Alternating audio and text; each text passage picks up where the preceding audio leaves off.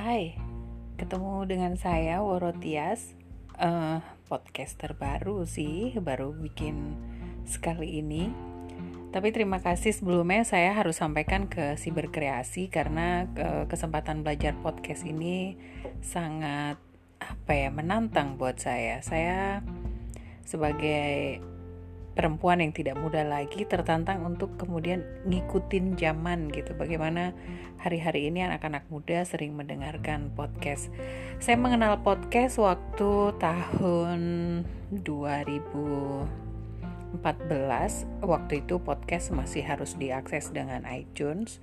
Saat itu saya masih pakai uh, produk dari Apple, jadi saya masih bisa mendengar podcast-podcast dari apa namanya hmm, yang saya download dari iTunes gitu. Tapi ternyata zaman berubah saya lama sekali nggak update apa itu podcast dan kemarin saya belajar banyak dari kelas yang apa namanya pertama kali di batch kedua dari si berkreasi ini.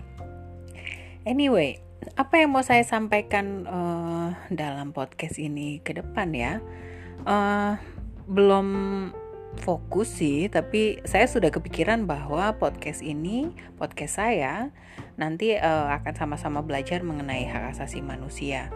Kenapa itu penting? Karena menurut saya itu adalah dasar orang bisa menghormati satu yang lain gitu, menghormati hak orang lain.